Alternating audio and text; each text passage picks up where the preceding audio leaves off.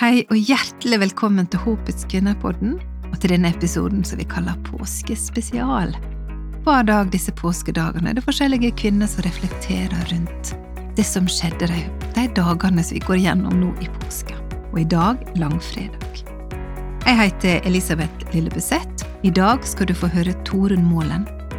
Og jeg vil anbefale deg å gå inn på Håpets kvinnepodden og søke opp navnet til Torunn. Da får du høre hennes sitt sterke vitnesbyrd.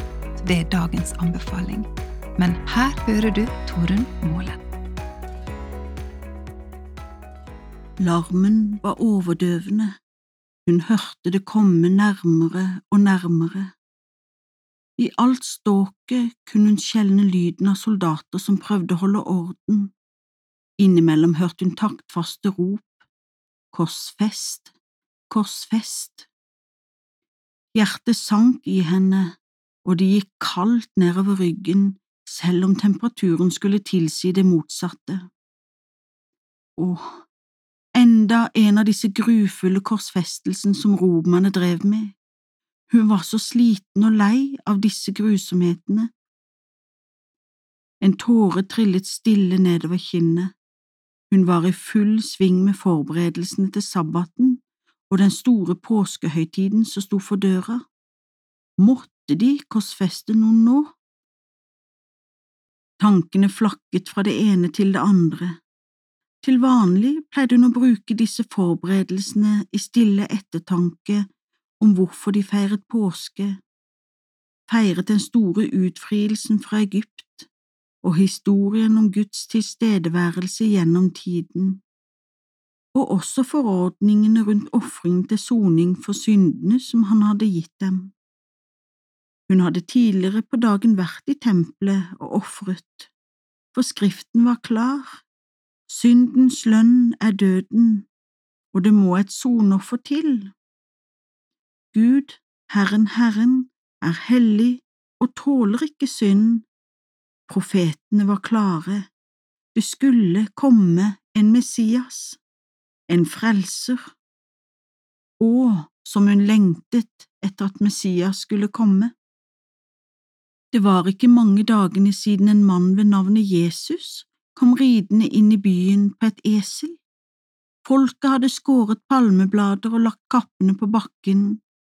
Han hadde blitt hyllet som en konge.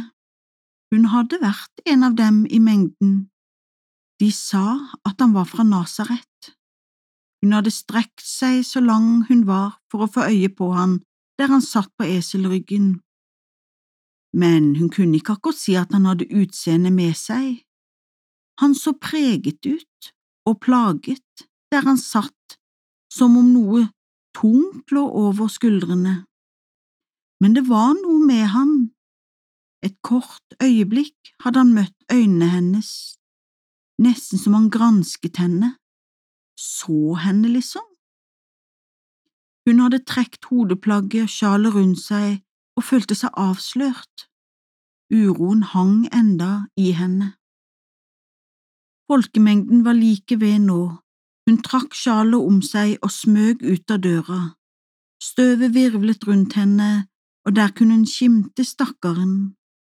Han var seineferdig der han bar stokken over skuldrene, Ryggen bar tydelig spor og hva han forut hadde vært igjennom. Men hvorfor denne tornekransen på hodet? Soldatene hadde svare strev med å roe folket samtidig som de drev følge fremover. Hun for sammen. Det var jo samme mannen som på eselfolen forleden dag, denne Jesus fra Nasaret. Hvem var han egentlig? En tenkt liten historie fra den lengste dagen i Jesus sitt jordiske liv. Et døgn med utmattende avhør, smerter og pinsler. Den kroppslige påkjenningen lar seg nok ikke forstå eller fatte fullt ut. Likevel åpnet han ikke munnen.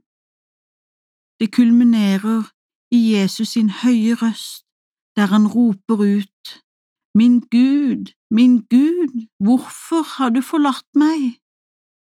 En smerte og et mørke som ikke lar seg beskrive. Men hvorfor? I sin kjærlighet og hellighet tåler ikke Gud synd. Vi er tvers igjennom urene, uten mulighet til å ha samfunn med Gud i egen kraft. I oss selv er alt håp ute. Men det var en plan, Guds egen plan. Jesu død, det var planlagt, profetert om og forutsett, og Jesus selv forventet sin egen død og oppstandelse.